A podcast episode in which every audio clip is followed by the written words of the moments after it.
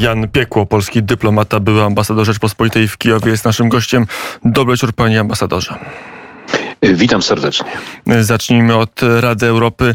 Chyba pierwszy raz w historii, ja sobie nie przypominam przynajmniej tak po szybkiej kwerencie we własnej pamięci przypadku, żeby jakieś państwo było wykluczone mm, z Rady Europy. Rosja została. Co to oznacza?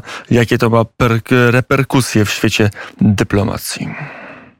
Rosja już była zawieszona w prawach członka Rady Europy, a potem mm, dzięki pewnej interwencji Y, y, niektórych krajów zachodnich, które uważały, że dobrze by było e, ze względu na organizacje pozarządowe i e, tych opozycjonistów rosyjskich jednak, żeby Rosja została w Radzie Europy. No w tej chwili została wykluczona i myślę, że, że to jest dobra decyzja, choć to się nie przekłada na to, że ciągle jeszcze jest Rosja w Radzie Bezpieczeństwa Organizacji Narodów Zjednoczonych i zawsze razem z Chinami będzie albo osobno y, będzie po prostu używała y, weta.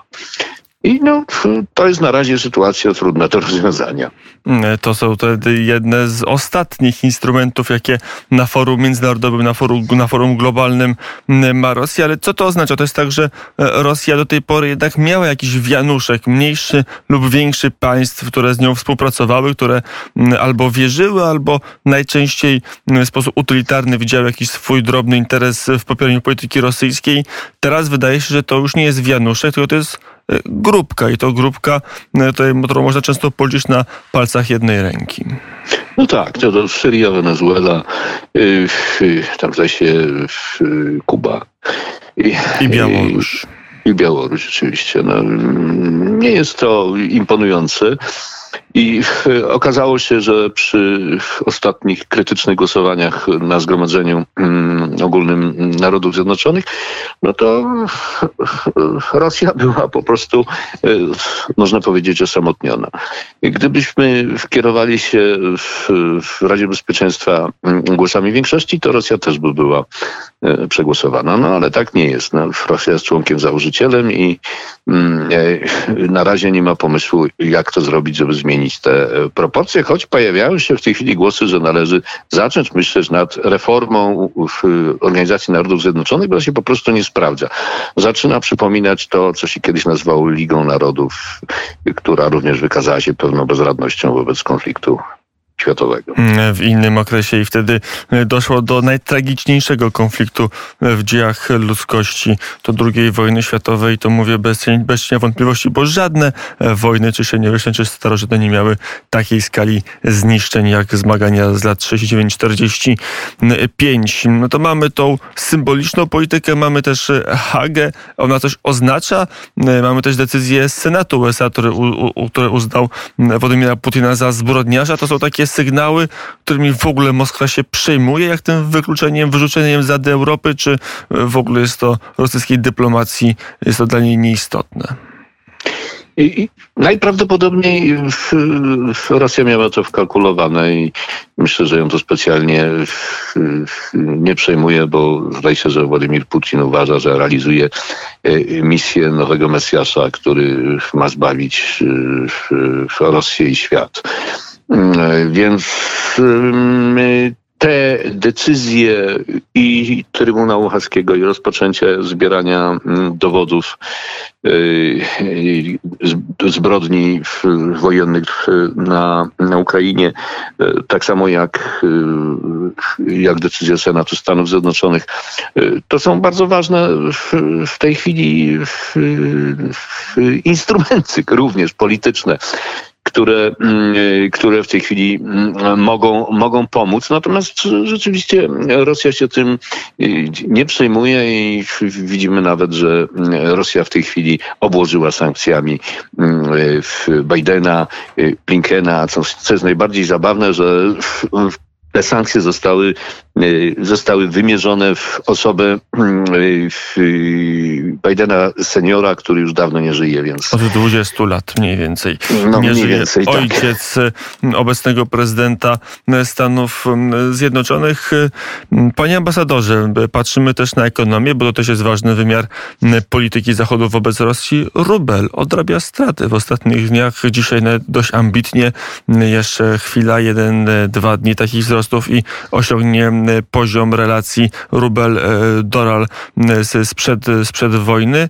Na ile jest tak, że, że, że to pokazuje, że te wszystkie sankcje były albo źle skonstruowane, albo w ogóle za słabe? Jak pan ambasador na to patrzy? No po pierwsze, same sankcje nie wystarczą, żeby, żeby Putin ugiął się i wycofał wojska rosyjskie z Ukrainy. To, to jest za mało. Tam potrzebne są jeszcze konkretne działania, konkretne kroki, których jak na razie brakuje. Natomiast co do, co do rubla, no to prawdopodobnie w tej chwili w, w, w rosyjski bank Narodowy zdaje się usiłuje ugasić pożar i y, spowodować y, przy pomocy zastrzyku finansowego, żeby, żeby ten rubel y, wzmocnił się. Myślę, że to jest działanie na krótką metę i kontynuacja marszu rubla w dół będzie, będzie niedługo widoczna. Podobnie jak widoczne będą efekty sankcji. A może będą kolejne sankcje? Może jednak Zachód mm, się jakoś mm, zbierze w sobie i chociażby zablokuje mm, albo wszystkie banki, wyłączy systemu SWIFT, także Spierbanki i także Gazprom, Gazprom Bank, a może w ogóle nałoży embargo na, tak jak zrobił to Stany, tak zrobił to Europa, na import ropy, gazu i węgla z Rosji. No Widzimy, że nie jest to takie proste, bo część krajów uważa, że, że bez tego nie może żyć i że im się mm, gospodarka posypie i zawali. No, do takich krajów należy, należą Niemcy, do takich krajów należą Węgry. E, no, niestety nie ma tutaj w, w tej kwestii e, jednomyślności. Myślę, że kolejne działania Putina mm, na Ukrainie, a tak to wygląda, że on będzie coraz bardziej brutalny, coraz bardziej agresywny, spowodują, że, że może zmieni się ta, ta polityka i rzeczywiście SWIFT y, zostanie odebrany wszystkim bankom. Problem polega na tym, że tam SWIFTem Niemcy płacą za, y, za, rosyjski, za rosyjski gaz, więc idealne by było, gdyby to, co Ukraina sugeruje, stworzyć specjalny rachunek w euro, gdzie by Niemcy przelewali pieniądze za za rosyjski gaz i z tego rachunku zasilano by fundusz odbudowy w Ukrainę. No, świetne rozwiązanie wydaje mi się i bardzo sprawiedliwe. I to by pomagało odbudować Ukrainę, ale to po wojnie, jak na razie trwa wojna, e, są pewne prasowe e, enuncjacje, że e, proces pokojowy nabiera tempa, ale to znaczy, że, że to nie będzie jutro, to raczej będzie za parę tygodni.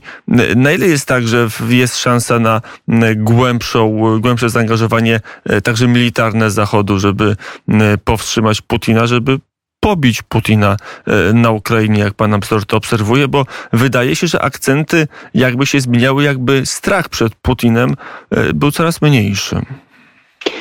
No, przysłużyła się do tego bez wątpienia wizyta mm, premierów y, Polski, Słowacji, Słowenii i Jarosława Kaczyńskiego w Kijowie ostatnio. To rzeczywiście ja jakoś nie widziałem jakichś komentarzy Kremla w, w, w tej sprawie. Natomiast odbyło się to, wrócili bezpiecznie to może jest też jakiś taki sygnał, że po prostu nie należy się bać. No i szczerze mówiąc, te głosy wzywające, mm, głosy z Ukrainy wzywające do, do, do tego, żeby się zachować bardziej energetycznie, energicznie i żeby, żeby chronić to ukraińskie niebo, no, one nie padają w próżnię. Najwyraźniej jest pewnie gdzieś już rozważany jakiś taki wariant, żeby, żeby skutecznie pomóc Ukrainie bronić to niebo niebo. I zdaje się, że Amerykanie zdecydowali o wysłaniu pewnych zestawów, mm, które by mogły pomóc w ochronie nieba i które mają przybyć, przybyć na na Ukrainę w najbliższym czasie. Zdaje się, że już się tam zameldowały e, postsowieckie systemy S-300. O tym, 300, powie... tak. tak. o tym powiemy za kilka minut z, z Juliuszem Sabakiem z portalu Defense24. To już technicznie co to są za zestawy, skąd mogły przeszłość. Wszyscy mówią o Słowenii, której premier dopiero co był na Ukrainie, bo Słowenia takie zestawy ma, a tak się składa, że właśnie na Słowenię przyjeżdżają amerykańskie patrioty. To e, może czysta, czysty przypadek, a może a może nie przypadek. E, ale to o technicznym sobie powiemy. Teraz e, Joe Biden kilka minut temu, czy kilkanaście podpisał rozporządzenie. Tam są też zestawy przeciwlotnicze w tysiącach sztuk, chyba siedmiu, ale dobrze e, pamiętam, nie, dziewięciu, przepraszam, dziewięciu tysięcy antyprzeciwlotnicza, siedmiu tysięcy przeciwpancerne. Tak czy inaczej kolejny potężna dostawa amerykańskiej broni na Ukrainę, która się broni. Pytanie, czy pana zdaniem powinna teraz siadać do rozmów, takich konkluzji konkludywność. To jest dobry moment dla Kijowa, żeby już teraz z Putinem szukał pokoju. Może lepiej warto e, trochę militarnie jeszcze powalczyć i, i, i, i na zupełnie innych warunkach usiąść do stołu z Putinem. Ukraińcy mają głęboką świadomość tego, że Rosja używa mm, tych rozmów pokojowych do przeprowadzenia różnego rodzaju sondaży, ewentualnie przegrupowania swoich wojsk, y, żeby po prostu podciągnąć od wody i zaopatrzenie. Y, I y, Ukraińcy doskonale znają tą metodologię, a zgadzają się na te rozmowy dlatego, żeby pokazać swoją otwartość, żeby Zachód widział, że, że prezydent Żeleński nie unika, ale chce takich rozmów i ciągle prezydent Żeleński chce się spotkać z Putinem, który jest prawdopodobnie do tego stopnia wystraszony, że nigdy się na to nie zgodzi, ponieważ gdybyśmy zobaczyli w telewizjach całego świata to zestawienie bohaterski prezydent Żeleński, bohater narodowy, przywódca Ukraińców i tchórz, który się chowa gdzieś tam w, w jakimś bunkrze, który się, który się rzadko pokazuje i używa długiego stołu do tego, żeby zdystansować od siebie rozmówców, no to wiadomo, jaka będzie sympatia. Więc Putin takiej konfrontacji się panicznie będzie bał i no, nie zgodzi się na, na bezpośrednią rozmowę z Żeleńskim, która miałaby niby uwieńczyć te rozmowy pokojowe, które miałyby się zakończyć podpisaniem jakiegoś dokumentu. Wydaje mi się, że to jest mało prawdopodobne. Mm, i że wojna będzie mm, trwała. Na ile pan ambasador patrzy na mm, siły Rosji, na rosyjską politykę, na rosyjskie społeczeństwo, na rosyjską gospodarkę? Jak długo Rosja jest w stanie wytrzymać wojnę na Ukrainie? Dzisiaj Putin powiedział, że e, po pierwsze, że operacja idzie dokładnie zgodnie z planem, a po drugie, że Rosja będzie na Ukrainie działać do końca i do skutku, i że się nie wycofa. No cóż, Putin mówi różne rzeczy i myślę, że to świadczy jednak o pewnej niebezpiecznej determinacji. I to być może jest też wskazówka dla ludzi w najbliższym otoczeniu Putina, że warto coś z tym zrobić, żeby nie doprowadzić do spełnienia tych wypowiadanych przez niego obietnic. To może się tak stać. Natomiast no, rzeczywiście wygląda na to, że że działania e, bardzo agresywne nadal trwają. Zdaje się, że, e, że został zbombardowany jakąś potężną bombą lotniczą teatr w Mariupolu i, i, i zginęło tam mnóstwo ludzi. To jest taka jakaś wiadomość najnowsza. Więc widzimy, że on stosuje technikę czy metodologię z, z Syrii i to jest jedyna rzecz, którą armia rosyjska potrafi. Mm, czyli burzyć i mordować. Mamy to potwierdzoną informację z Mariupola o zrzuceniu bardzo silnej bomby. Nie wiemy, czy to jakaś była bomba termomaryczna, czy po prostu bardzo mm, dużych rozmiarów tradycyjny ładunek, który zburzył mm, operę, która też jako schron służyła. Nie wiemy, ile jest ofiar. Będziemy to ustalać, ale sam fakt zbombardowania i zburzenia dość dużego gmachu za jednym zamachem jest już faktem potwierdzonym. To jest element terroryzowania ewakuowania ludności cywilnej. Panie ambasadorze, to jeszcze do dyplomacji wracając do tej wizyty wczorajszej trzech premierów, czterech, bo Jarosław Kaczyński jest byłym premierem, to powiedzmy czterech premierów z trzech państw w Kijowie. Jaki to, bo pan był ambasadorem, zna pan elity kijowskie, zna pan polityków kijowskich, jakie, jakie to miało znaczenie dla samego Kijowa, bo mówi się, że tylko i wyłącznie symbol, a, a nic więcej. Jak to odczytywać, jak to może grać na wewnętrznej ukraińskiej scenie politycznej? To przede wszystkim był wyraz solidarności i to wyraz solidarności, który wypływał z serca.